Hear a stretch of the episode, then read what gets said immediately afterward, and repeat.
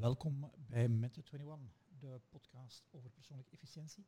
En vandaag niet met Steven, maar met Nele. Dag Nele. Hallo. Hey. Nele, als uh, mensen u niet kennen um, en je moet vertellen wie dat je bent en wat je doet, wat vertelde dan? Dat hangt er vanaf in welke context natuurlijk, maar ik zal misschien wel vertellen dat ik de vrouw ben van Steven. Dat is misschien al interessant om te weten. Van onze um, Steven, hè? Ja, de mijne Steven, onze, soms een beetje onze Steven, ja. Um, en uh, dus mama van Casper en Victor. Um, en daarnaast, dat is misschien nog, nog wel het, uh, het uh, belangrijkste of het interessantste in deze context, ben ik de bezieler, zo noemt dat dan, van sprankelcoaching. Um, dat betekent dat ik dat mijn missie eigenlijk is om mensen te doen sprankelen.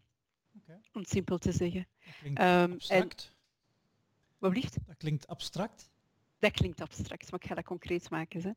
Hè. Um, mensen doen sprankelen. Ik geloof dat je kunt sprankelen als je zelf rust vindt in jezelf. Dus daar probeer ik mensen in te begeleiden. Um, en ik doe dat zowel individueel als in groep. Dus dan is dat echt ja, persoonlijke coaching. Um, en dat kan gaan over je werkcontext, dat kan gaan over je privécontext.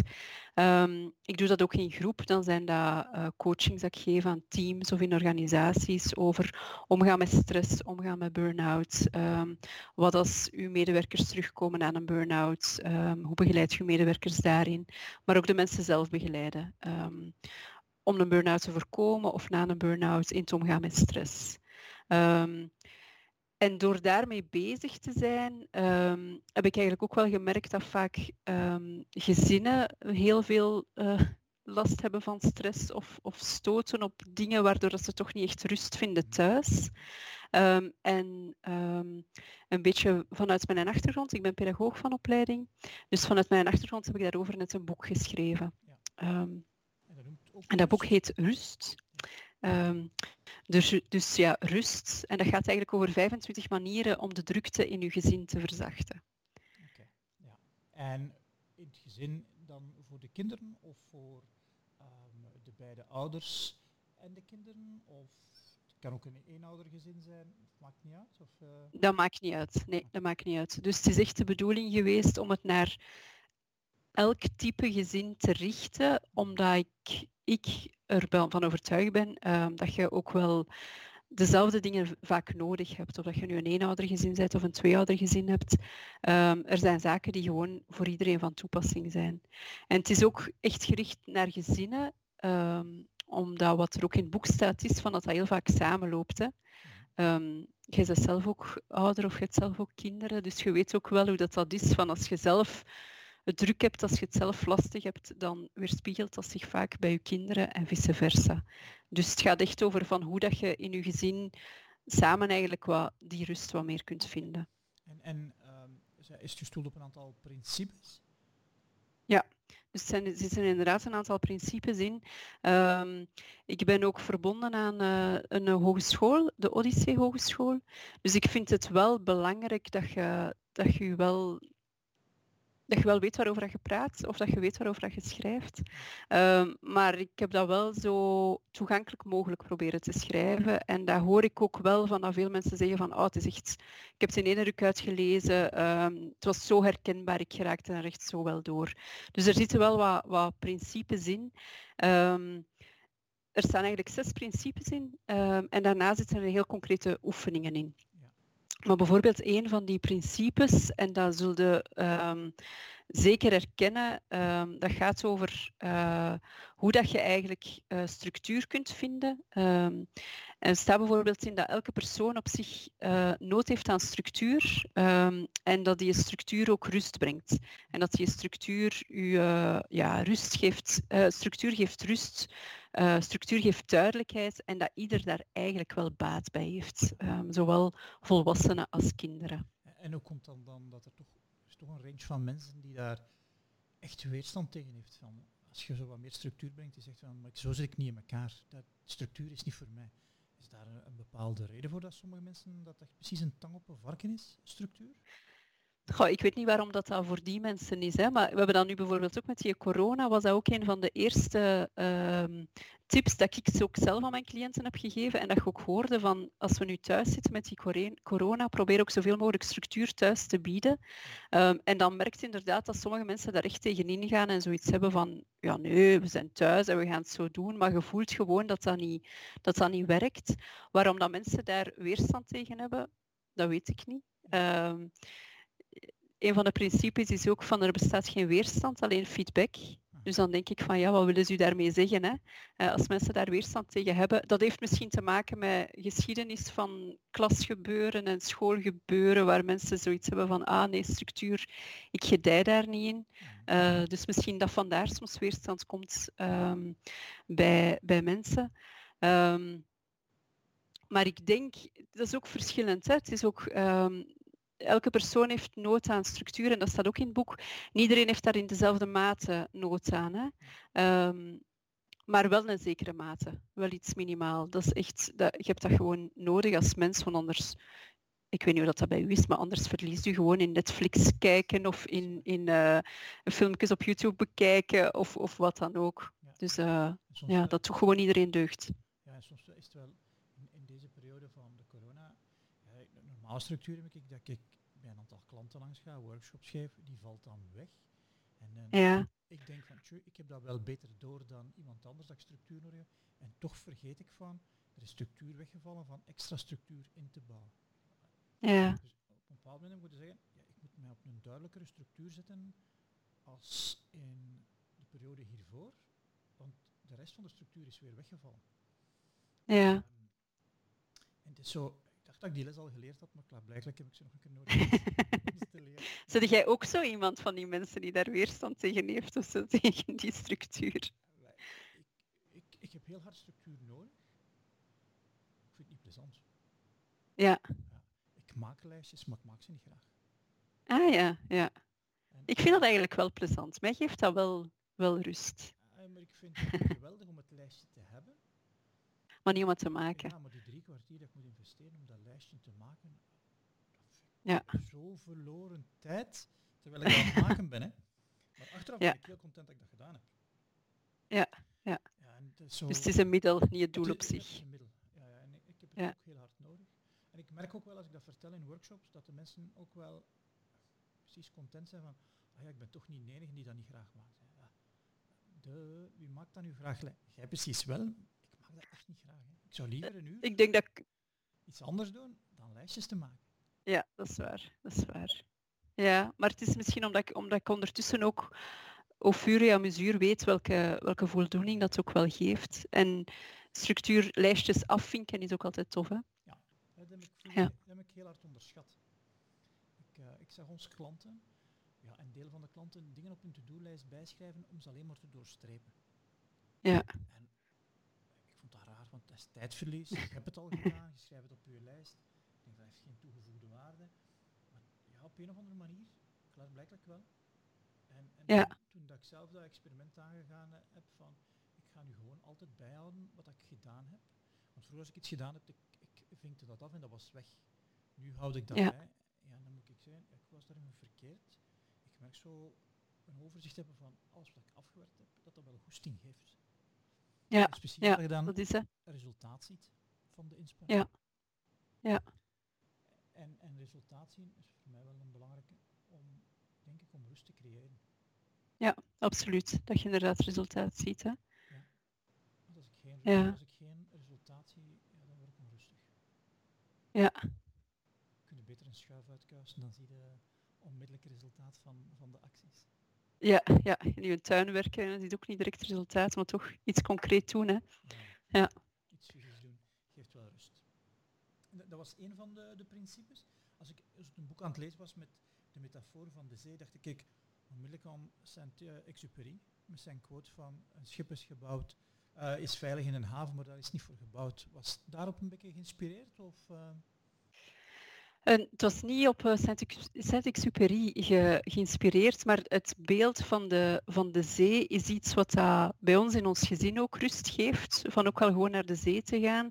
Um, en dat, dat, dat gevoel ook van eb en vloed en weten dat dat erbij hoort bij het leven. Dat je zo die hoogtes en die laagtes hebt en dat dat al oké is om dat te hebben. En dat dat soms als persoon en als gezin ook oké is om te weten van er zijn momenten dat echt dikke kak is en dat echt lastig is. Maar dat komt wel weer goed. Dus dat beeld van die eb en vloed zit er zeker in. Um, en dan zo ja, de, de, de woelige waters en de, de, ja, de, de storm dat er soms ook kan zijn. En dat je dan inderdaad als, als gezin wel een veilige haven biedt. Dus die, dat beeld van die veilige haven, van hetgeen wat dat je net aanbracht, zit er zeker wel in. En dat dat, dat, dat hetgeen is wat dat je wel um, creëert voor je, voor je gezin, voor je kinderen, voor jezelf ook. En wat dat je denk ik ook ik merk nu met die coronacrisis, merk ik zo'n beetje twee verschillende reacties. Je hebt mensen die zeggen van, ik loop de muren op en, en ik weet echt niet wat doen en ik, ik wil eigenlijk naar buiten gaan. En je hoort mensen die ook zoiets hebben van, oh, eindelijk. Ik kan even zoiets even gas terugnemen en ik voel eigenlijk wel dat ik mij oké voel in mijn kokon en dat dat hier wel oké is. En dat zijn als, als je die, dat gevoel nu hebt, je hebt dat ook niet altijd, hè, maar als je het gevoel hebt van, ah oké, ik voel wel dat we tot rust komen. Ik denk dat dat heel waardevol is als je dat nu kunt voelen. Want dat betekent dat je dat, die, die veilige haven hebt gecreëerd hè, in je gezin. En dat je dat eigenlijk elke dag aan het creëren bent. Dat is ook niet zoiets dat er staat als een huis, maar ook daar het beeld van de zee, van komen en gaan, um, dat beweegt ook en je maakt dat, je maakt dat eigenlijk elke dag samen. Um, en dat zit er ook heel erg in, in, in het boek van je, je, je, maakt het gewoon samen en iedereen is, is, uh, is van belang, al van de baby tot, tot als ze ouder is. Um, en je maakt eigenlijk samen altijd die, die veilige haven. Ja. Het me ook denken aan, aan, als je het nu vindt, dan heb je ook een referentiepunt. Hè. Als het weer hectisch ja. gaat worden, dan ja, ik kan terug naar het referentiepunt, want ik heb het al eens beleefd, ik kan er nog toe terug. Uh, ja, absoluut. Ja, en, en ja. die coronacrisis hier nu is echt een, uh, een drukpan, waarbij dat we heel veel dingen kunnen leren. Hè. Zijn er zaken dat jij zegt, nee, van, kijk, dat heb ik toch van deze periode al geleerd, die voor mij, dat ik toch niet wil vergeten? Heel veel eigenlijk. Ik vind het eigenlijk een heel waardevolle periode. En zoals dat gezegd is, een prescom, ik vind dat je alles um, zo ver, versterkt of zo mhm. beleeft. Um, zowel die, die die positieve zaken en eigenlijk veel bevestigingen van wat dat er in het boek ook staat, van wat ik daar straks zei, van dat je die veiligheid ook, ook samen uh, creëert. Wat ik ook um, heel erg heb gemerkt is van dat je van de, de veerkracht, nu, ik vind dat je nu in deze periode ook me, nu pas beteken, begrijp ik echt de betekenis van veerkracht. En veerkracht van je krijgt een box, je krijgt iets en je, en je blijft staan of je gaat een beetje achteruit, maar je blijft staan en je blijft stevig staan. En wat dat u kan helpen om die, om die veerkracht te, te, te hebben en te, en te, ja, te houden. Zo, hè. Um, en dan vind ik het wel fijn voor ons als gezin dat we hebben gevoeld van ja oké, we kunnen wel tegen een stootje. En we liggen dan even allemaal misschien plat, maar je ligt nooit alle vier tezamen plat. Dat vind ik ook zoiets. Dat is ook het idee van, van systeem, denk ik, dat je als gezin een systeem bent en dat je altijd elkaar wel een beetje in evenwicht brengt. Steven en ik, we hebben dat ook al tegen elkaar gezegd, er was zo'n dag dat Steven echt lastig was, omdat we ons vakanties, we hadden al van alles geboekt en onze vakanties hebben moeten annuleren. Dat was echt, hij, was daar, hij is daar echt een dag slecht gezind van geweest. En op dat moment voelde ik mij beter en als ik zoiets van, ah, kom, we gaan het in België zoeken enzovoort. En de volgende dag had ik precies dat besef. En trok hij mij dan weer naar boven. Dus dat is zo die veerkracht dat je hebt als gezin en als gezinssysteem. En dat je eigenlijk ja, zo wel wat, wat blijft staan. Dus ik heb dat als gezin heel erg gevoeld van hoe dat je hoe dat je aan veerkracht kunt opbouwen. En als ondernemer ook, want ik ben, ik ben ondernemer, heb ik ook heel erg gevoeld van hoe dat je in deze tijden van, de, van hetgeen wat dat zich voordoet, dat je daar een opportuniteit van kunt maken. En dat je het, zoals dat je zegt, het is een presscom, we zijn superveel aan het leren. Uh, ik wist als ondernemer dat ik eens een webinar moest geven. Dat is, is al veel uh, uh, coaches die dat tegen mij hadden gezegd van ja, als je echt aan bekendheid wilt, uh, bekend wilt geraken, dan moet een webinar geven. Ik had er altijd weerstand tegen. Ik dacht, nee, ik wil dat doen live. Ik wil de mensen echt zien en contact maken. En nu, door omstandigheden, heb ik er nu al twee gegeven en zijn er nog drie gepland. Um, en voel ik van, ja, oké, dit is ook een werkvorm. Dus je voelt dat je, dat je mee bounce, dat je mee deinst zo, met wat zich aanbiedt en dat je, dat, ja, dat je eigenlijk zoekt van oké, wat is nu de omstandigheid en hoe ga ik daar nu mee omgaan? Bijvoorbeeld die webinars geven, bijvoorbeeld een podcast met u geven. Um, er waren ook heel wat lezingen gepland voor rust. Mhm. Dat is allemaal niet kunnen doorgaan. Dat was echt niet tof. En in het begin dacht ik ook van, in het begin dacht ik ook naïef van, oh ja, we verplaatsen dat gewoon dan naar half mei. Want toen half maart dacht ik, oh, dat is nog een eeuwigheid. We gaan dat dan naar dan verplaatsen. Ja, daar hebben we dus ook allemaal webinars van moeten maken. Um, maar dan denk ik, oh ja, het is weer een, het is weer een, uh, een nieuwe ervaring, weer iets nieuws dat ik geleerd heb. Um, in het boek staan er ook um, een aantal oefeningen en ook een aantal meditaties. En daarvan, als ik, als ik vormingen geef of met cliënten persoonlijk werk, uh, steek ik daar soms ook een meditatie in. En ik, ik had wel al van mensen gehoord van, die meditaties uh, zijn dingen dat ik zelf heb opgebouwd op basis van, van eigen ervaringen uh, en andere opleidingen ik had al van mensen gehoord van, god ja, dat zou wel tof zijn moesten we die meditaties hebben, want we worden rustig van naar uw stem te luisteren. Ik dacht, oh ja, ik moet dat dan een keer eens opnemen. Ja. En nu, ook weer door de omstandigheden, heb ik ook weer een aantal meditaties opgenomen. Dus dat zijn meditaties dat je ook kunt beluisteren um, op mijn website. En waar ik merk dat ook heel veel naar geklikt wordt, kan dat dan bekijken. Um, dus ook dat weer, dat is zo ja, van, de, van de nood een deugd maken. Um, kijken van na de eerste slag dat je gekregen hebt van oké, welke situatie is nu en hoe ga ik er nu mee om en hoe kan ik hier toch iets, weer iets krachtig van maken, dat toch bij mij past. Want dat vind ik ook wel belangrijk. Dat je wel um, in de nieuwe dingen dat je zoekt, dat je ook wel dicht bij jezelf blijft. Okay. En de dingen dat ik doe, zoals die webinar of zoals die, die um, die meditaties dat ik heb ingelezen, dat, dat is echt ook, dat past ook bij sprankelcoaching, dat past bij wie dat ik als persoon ben. Je moet je eigen niet volledig gaan heruitvinden en iets ganz anders gaan doen, want dat klopt ook niet. Maar ik vind ook in die omstandigheden dat je net ook wel voelt ja, wie dat je bent en wat dat je te bieden hebt. Ja, ja je voelt alleen maar of dat bij u past als je het probeert. Hè. Dat is waar, absoluut. Ja. ja. Dat je kunt dat webinars niks voor u was. Hè. Maar dat ja, dat had ik inderdaad ook. Had het, had het niet gevonden. Hè. Ja. ja, ja. Maar dat weet jij wel, hè, als experiment. Ja, je weet maar of dat iets lust als je het geproefd hebt. En niet als je denkt, ja. Hmm, dat lijkt me niks. Ja, je moet proeven. Hè. Ja. ja, dat is waar.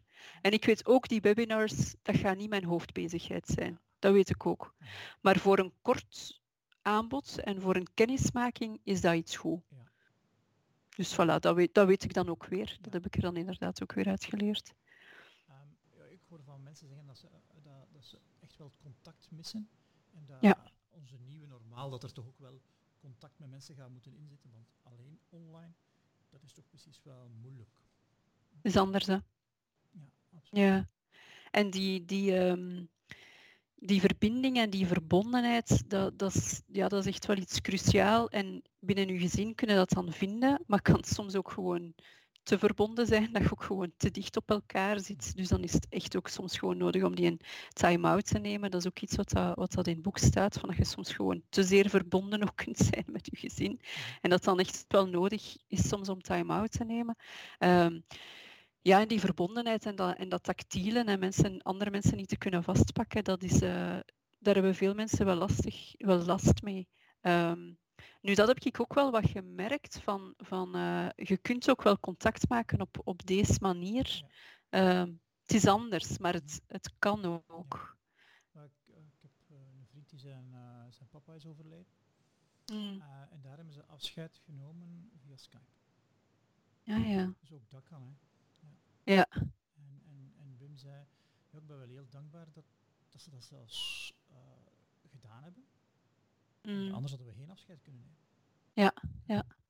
Dus het was waarschijnlijk niet hetzelfde, maar we hebben op zijn minst dit gehad. En dat is, dat. een superkracht, vind ik, van ons mensen. Hoe gemakkelijk dat wij iets dat ervoor niet normaal was, gaan normaal vinden. Dat vind ik Ja, hè. zot hè. is niet te doen. Ja, dat is echt hè. Ja. En dat heeft weet niet of dat nu met veerkracht te maken. Ik heb nog wat moeite met het woord veerkracht. Ah ja. Ja, nee, nee, omdat ik wil beter worden. Hè. En veerkracht in mijn hoofd is dat je gaat naar dezelfde plaats als je wordt vertrokken bent. Dan denk van, Ah ja. ik wil gewoon beter worden. Ik wil niet veerkrachtig worden, ik wil gewoon beter worden. Ga dan naar dezelfde plaats als dat je vertrokken bent als je veerkrachtig bent. Ja, dat, is, dat is het beeld dat ik heb. Hè. Ik ben een ingenieur. Hè. En een veer, zet die onder Ah, ja. die komt terug. Hè. Ja. Ik ben totaal niet wetenschappelijk onderbouwd. Op ingenieursgebied dan. Pedagogisch. dan. ja. Ehm, dus straks sprak je van sprankelcoaching. Ehm, wa- wat zou je er willen mee, willen mee bereiken? Je wilt mij laten sprankelen, wat betekent dat dan? Wat ik ermee wil bereiken is van... Ja, eigenlijk komt het daar toch op neer. Hè. Van mensen te laten sprankelen en ehm, eigenlijk al de, al de zaken waar ik nu mee bezig ben, dat verder blijven ontwikkelen. Ik ben ook echt een ontwikkelaar. Ehm, dus ik vind het ook fijn om bijvoorbeeld, ik heb ook een, een corona-versie gemaakt van het boek Rust. Ehm, dus ik, ik, ik wil blijven ontwikkelen en blijven manieren zoeken om mensen daarin te ondersteunen, zodat mensen rust vinden bij zichzelf. Ehm, en op die manier ook rust kunnen creëren in hun gezin en nog meer kunnen sprankelen. En de, de mensen bij wie ik dat nu doe, vind ik eigenlijk al heel gevarieerd. In die zin zijn zowel ehm, volwassenen in een professionele context, ehm, ook in een teamcontext, eh, werkcontext, ehm, maar ook gezinnen, kinderen ook. Dus ik vind dat eigenlijk al heel gevarieerd en dat, dat vind ik wel fijn. Ja. Omdat, op, omdat ik eh, ook wel hou van, van variatie en dat op verschillende manieren te doen. En omdat ik, omdat ik ook merk dat, die, dat die ding, diezelfde zaken zijn eigenlijk van toepassing. Mhm. Ehm, ik heb ook ooit eh, iets ontwikkeld rond EHBO, ehm, eerste hulp bij ongelooflijke stress. Ehm, en wat dat daar van toepassing is, ehm, merk ik van dat, dat, eigenlijk, dat je dat zowel in een teamcontext kunt zien als, als iemand als individueel kunt zien. En wat is dat dan in een EHBO? In de eerste instantie weten wat dat je signalen zijn, waar dat, dat je moet letten. Hè? Zoals dat je bij een EHBO moet weten wanneer dat je in actie moet schieten. Zo die zaken. Ehm, ook welke medicijnen om in de context te blijven, dat je moet inzetten als je voelt dat je stress hebt, hoe dat je toch nog contact kunt leggen. Ehm, en dat zijn zaken die dat ik ontwikkel, dat ik merk dat eigenlijk voor veel groepen van toepassing zijn, ehm, als je daar het, ja, het, het, het juist in de juiste context plaatst of in het juiste kader plaatst. Is dat dan omdat we veel meer op elkaar lijken dan eh, dat we verschillend zijn? Ja, ja. En in de, in de fundamentele levensbehoeftes zeker. ja. Zijn de veiligheid te hebben, eh, duidelijkheid te krijgen ehm, en alles wat dat, daar, wat dat daarbij hoort. Maar wat wel zo is, is dat je bijvoorbeeld als je dan kijkt naar stress ehm, en de signalen die dat er zijn bij stress, je hebt zo het 4G-model. Is om even theoretisch te gaan. Een 4G-model is van dat je eigenlijk centraal staat de gebeurtenis. Dus bijvoorbeeld corona, dat is de gebeurtenis. En dat heeft effect op drie andere G's. Op je gevoelens, op je gedachten en op je gedrag. Wat wel zo is, is dat je voor, voor de ene mens die heeft makkelijker toegang tot zijn gevoelens, een andere mens gaat dat meer merken aan zijn gedrag, bijvoorbeeld. Dus daar zijn we wel verschillend in. Maar het is wel zo dat, u, dat een gebeurtenis heeft vaak effect op uw gevoel, daardoor op uw gedachten, daardoor op uw gedrag. En uw gedrag gaat dan weer uw, weer uw gevoel beïnvloeden, wat dan weer uw gedachten gaat beïnvloeden enzovoort. Dus dat is zo'n cirkel dat aan het, dat aan het draaien gaat. Ehm, en we zijn daar wel verschillend in, in te weten van...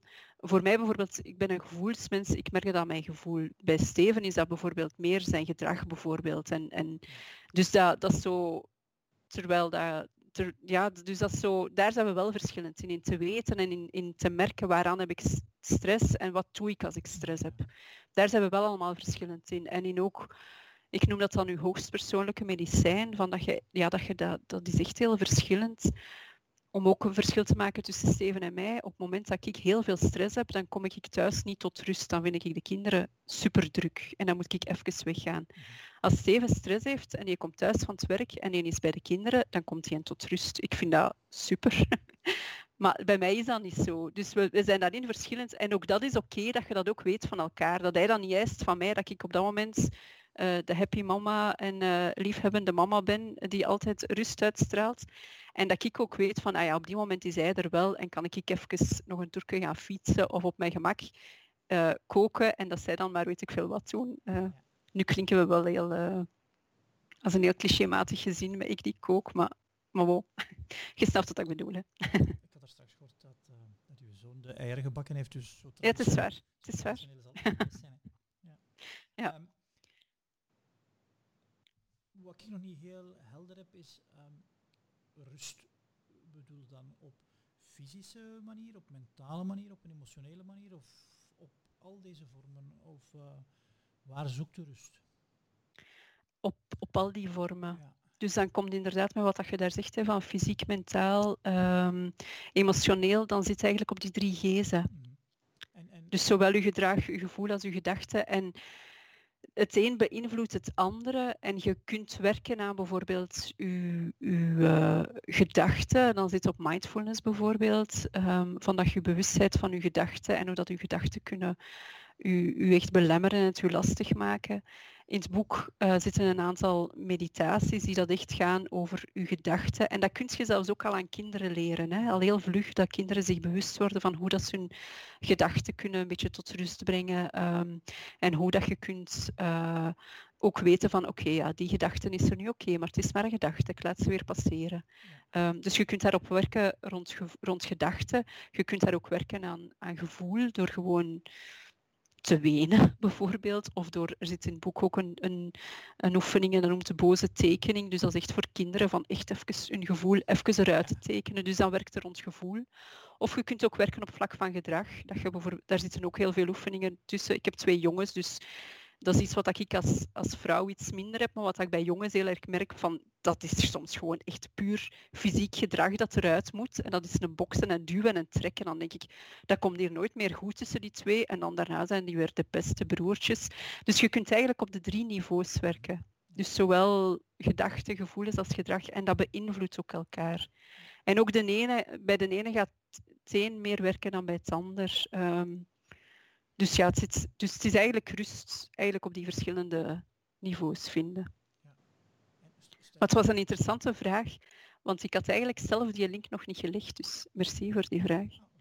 Soms heb ik dat zo dat ik zonder te weten een goede vraag stel. ja, ik wil iets vertellen over, je hebt al verteld, um, um, dat er zes punten waren wil je iets vertellen over je uitgangspunten eh, dat je toegekomen bent om, om, om je boek te schrijven? Ja, bedoelt je die, die, uh, die zes uitgangspunten? Mhm. Ja. Ja. Um, die eerste twee heb ik al verteld. Mm -hmm. Of de eerste heb ik al verteld. Um, en dat was dus van dat op zich elk kind uniek is en op zijn manier om rust en structuur vraagt.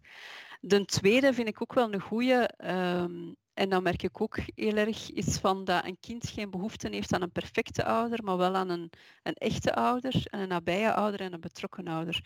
Uh, ik denk ook in deze coronatijden dat we niet altijd allemaal even perfect en even rustgevend zijn. En dat dat ook oké is. Dat dat belangrijker is om, uh, om daarin eerlijk en authentiek te zijn dan dat je altijd perfect bent, want dat, dat bestaat sowieso niet. En een, uh, dat een kind vooral dat voelt van dat je er zijt en dat als het lastig is, dat je dat ook durft te zeggen en dat je dat ook bespreekt met elkaar. Natuurlijk op, op, op kinderniveau en zonder de verantwoordelijkheid bij hen te leggen, want jij blijft als volwassene zelf verantwoordelijk. Um, maar zo vooral die authenticiteit en daarin eigenlijk, eigenlijk uh, echt te zijn. Uh, ik zal misschien de andere ook nog even zeggen. Hè. Um, ook een belangrijke is, en dat, dat zit meer en meer in zo de pedagogische visie, is van, uh, dat je eigenlijk gaat focussen op de, op de krachten. En dat is dan zo'n beetje de, de talentbenadering, of te gaan kijken naar waar ze er goed in. En door te focussen op krachten, dat je daardoor beter kunt omgaan met moeilijkheden. Um, dus je kunt proberen um, heel erg te zien naar wat dat er niet goed gaat, of je kunt zien naar wat dat er goed gaat, dat groter maken, daar, daar beter in proberen te worden of dat, of dan nog ja, dat eigenlijk groter te maken. En dat daardoor eigenlijk de moeilijkheden um, ook kunnen, kunnen minderen. Vooral doordat je aandacht erop mindert. Ehm, ze zeggen dan wat dat je aandacht geeft, groeit. Mhm. Als je aandacht geeft, als je heel veel negatieve aandacht geeft, als je het dan als pedagoog bekijkt, heel veel focust op straffen en op, op uh, te zeggen wat dat ze niet goed kunnen, dan gaan ze ook op een negatieve manier om aandacht gaan vragen. Dus zeker ook focussen op positieve uh, en te zien naar welke sterktes dat er ook al zitten in uw, in uw kinderen, maar ook in, in u als gezin, bijvoorbeeld in hoe dat je nu met die coronatijd omgaat, wat dat er al, wat dat er al sterk loopt. Ik heb zo altijd zo, ik vind dat een moeilijke, focussen op krachten. Omdat als je wilt beter worden, maar als ik naar de dingen kijk, dan, ja, dan wil ik altijd met een volgende bottleneck fixen. Ja. En dan moet ik wel kijken wat dat niet goed is. En ik zit er wel in een tweespalt, want ja, ik denk van, als ik in iets goed ben, als ik dat meer ga doen, ja, dat gaat ook plezanter zijn. Maar ik ga toch altijd ergens wel met een bottleneck zitten. En, ik krijg, dat niet zo goed geremd. Ja, ik dacht het ook met hetgeen wat je daar straks zei, hè, dat je altijd beter wilt worden. Hè? Ja, ik denk dat je, dat je is natuurlijk een utopie om te denken dat je alleen maar op je krachten kunt focussen, want dat, dat gaat ook gewoon niet in een maatschappij. Uh, maar ik, zoals dat je zegt, het geeft wel meer, meer, energie als je doet wat dat bij u als persoon meer past en wat dat meer op je, op uw krachten zit. Um, en als je van daaruit gaat kijken naar wat dat er, wat dat er al goed gaat, dat je op die manier ook beter kunt aanpakken wat dat er minder goed gaat. Okay. Als je snapt wat ik bedoel. Ja, ja.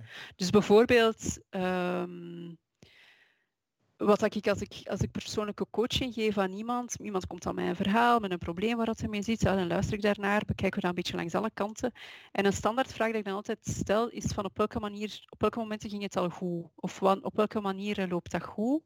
En dan te gaan kijken naar die situaties, wat zetten zij daarin van sterktes, van krachten?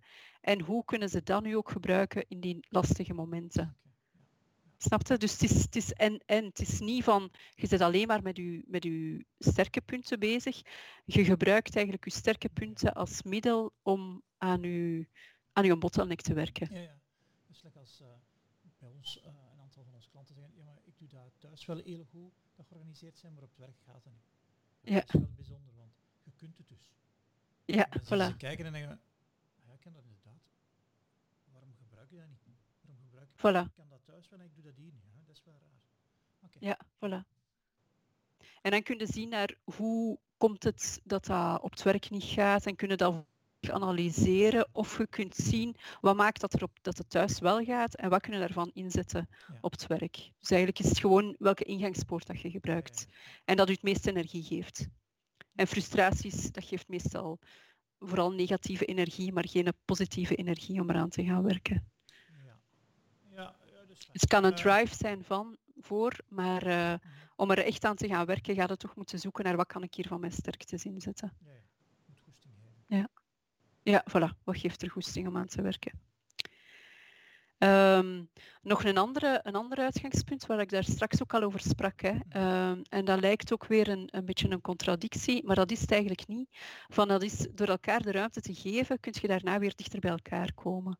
Dat is ook zo die, die uh, time-outs waar ik van sprak. Ik denk elk, elke ouder of elke persoon al eens met kinderen heeft gewerkt, kent ook wel even het principe van een time-out. Van echt als het, als het te hoog oploopt, geeft die kinderen een time-out, geeft u zelf een time-out.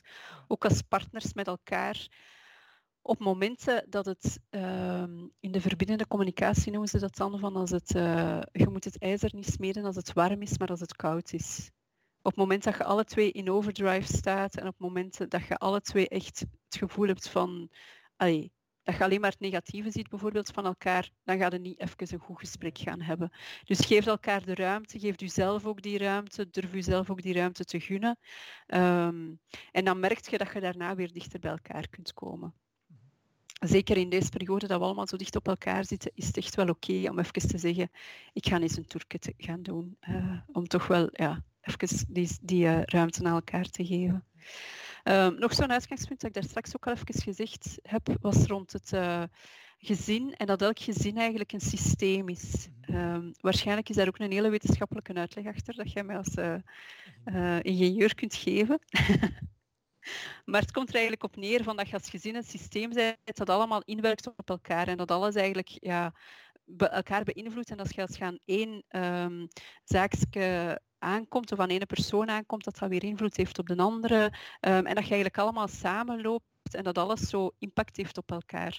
En wat mensen vaak willen, willen doen om dingen te begrijpen, is van uh, lineair te denken. Zo oorzaak-gevolg.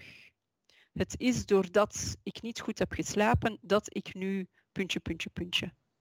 Dus ik ga mijn slaapdingen aanpakken. Maar vaak is het dat je niet goed hebt geslapen en ook dat er dat is thuis en dat er ook iets op het werk aan de hand is. En dat heeft dan weer impact op dat en dat heeft weer impact op dat. Dus het is vaak een beetje circulair dat je moet denken. Mhm.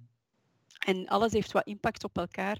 En dat is soms wel belangrijk om dat, om dat te weten, dat, je, ja, dat, dat alles wat impact heeft op elkaar. Dat lijkt dan complex, want ja, hoe pakte de dingen dan aan? Ehm, maar dat, dat werkt soms ook wel ehm, een beetje um, ontschuldigend. Daarmee bedoel ik dat je soms zo gaat denken van oh, het is omdat ik dat nog altijd niet kan, dat dan niet lukt bijvoorbeeld. Of, terwijl het is altijd een, een, ehm, een samenloop van omstandigheden. En het is altijd ook een gezinssysteem. Je hebt ook nooit ene persoon aan wie dat ligt. Het is altijd een combinatie van. Dus ga een beetje gaan zoeken naar wat, ja, hoe werkt ons systeem of hoe werkt mijn werk.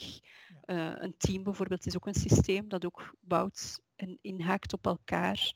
Um, dus door één ding aan te pakken, heeft dat vaak ook wel verdere gevolgen. Dat zijn dingen dat jullie waarschijnlijk ook wel kennen. Als je één ding aanpakt, ja, heeft dat soms ja, on, andere gevolgen. Dus ze zeggen, oké, als je één van je gewoontes aanpast, daar een soort uh, discipline in toont, worden ook andere domeinen in je leven beter.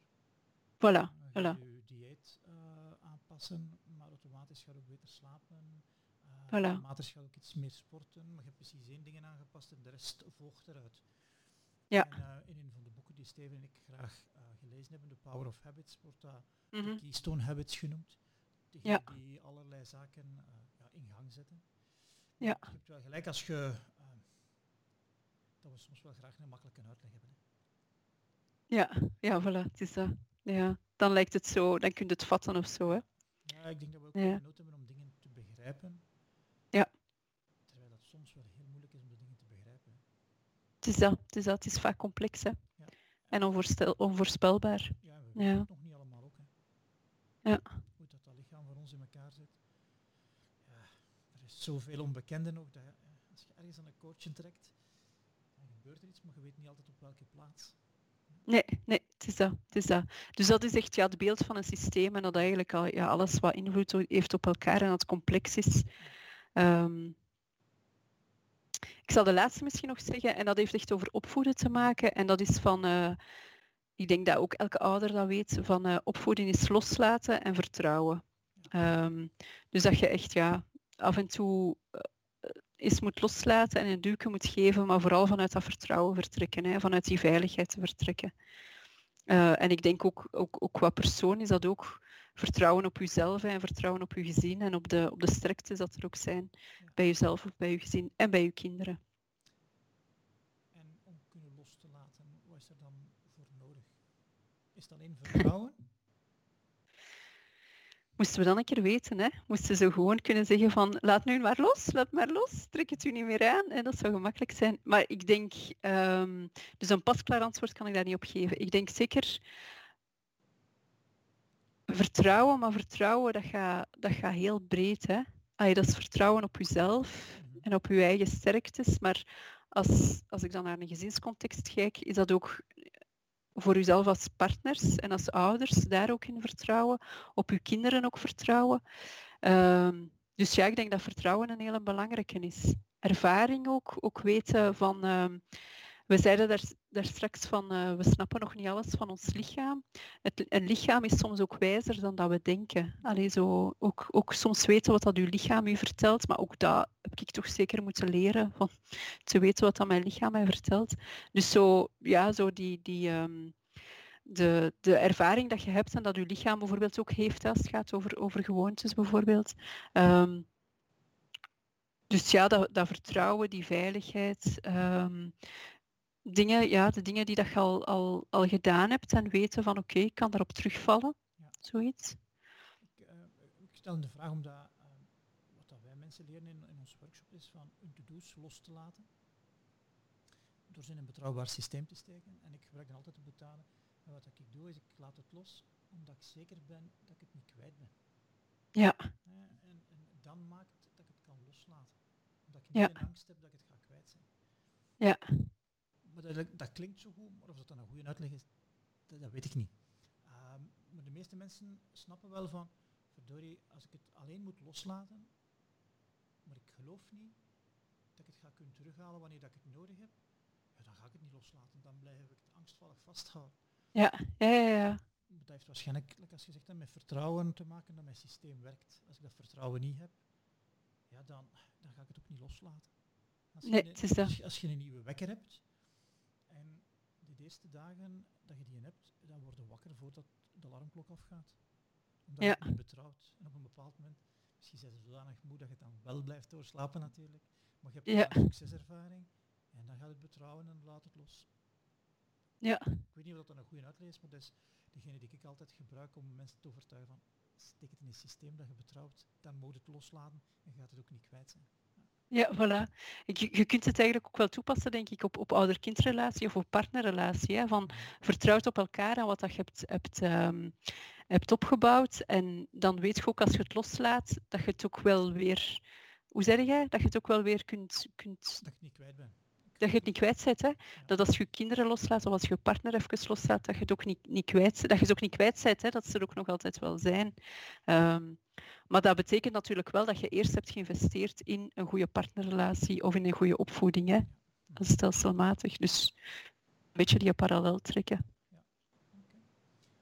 We zijn bijna eh, op een tijdstip gekomen dat we vanaf van we proberen rond de 45 minuten te blijven. Zijn er nog dingen die je wilt meegeven? Ehm, ik denk dat ik al heel veel heb verteld. Eh, het is misschien wel fijn als je in de show notes ehm, dat mensen daar iets kunnen terugvinden. Ehm, vanuit, ik heb verteld van dat er dus een boek is uitgekomen. Dat boek is uitgekomen, eh, Rust. Is uitgekomen in februari, dat was zoiets vlak voor de corona, eh, is dat uitgekomen. Dus we hebben nog een heel fijne boekvoorstelling en zo kunnen doen. Is uitgegeven bij Lano. Ehm, dus je vindt het terug via eh, de website van Lano. Kunt je het eh, eh, bestellen. Ook in deze tijden kunnen dat gewoon bestellen. Ehm, je vindt ook alles terug op mijn website sprankelcoaching.be. Daar staan heel wat blogs op. Er staan ook die meditaties op waar ik daar straks over sprak. Hebt daar staat ook het- wat blieft? Je hebt ook een nieuwsbrief. Ik heb ook een nieuwsbrief, inderdaad. Daar kun je ook op inschrijven. Ja. Je kunt ook die werkboek waar ik daar straks over sprak, het eh, Rust in coronatijden, is nu een recent werkboek dat ik dus eh, inderdaad geschreven heb naar aanleiding van die coronatijden. Kunt je langs daar ook aanvragen. De werkboeken ook over het omgaan met stress, kunt je daar aanvragen. Of als mensen geïnteresseerd zijn in persoonlijke coaching of teamcoaching, coaching eh, binnen organisaties, ehm kun je daar ook mijn gegevens terugvinden. Fantastisch. Ik weet niet of je nog iets wilt vertellen? Ik weet niet of je nog iets wilt vertellen. Eh, nee, nee. Goed, bij hier laten. Dankjewel. Ja, groeten jij ons. bedankt. De groeten ons Steven. En uh, tot Ja. binnenkort. Oké, dat is goed. Salut.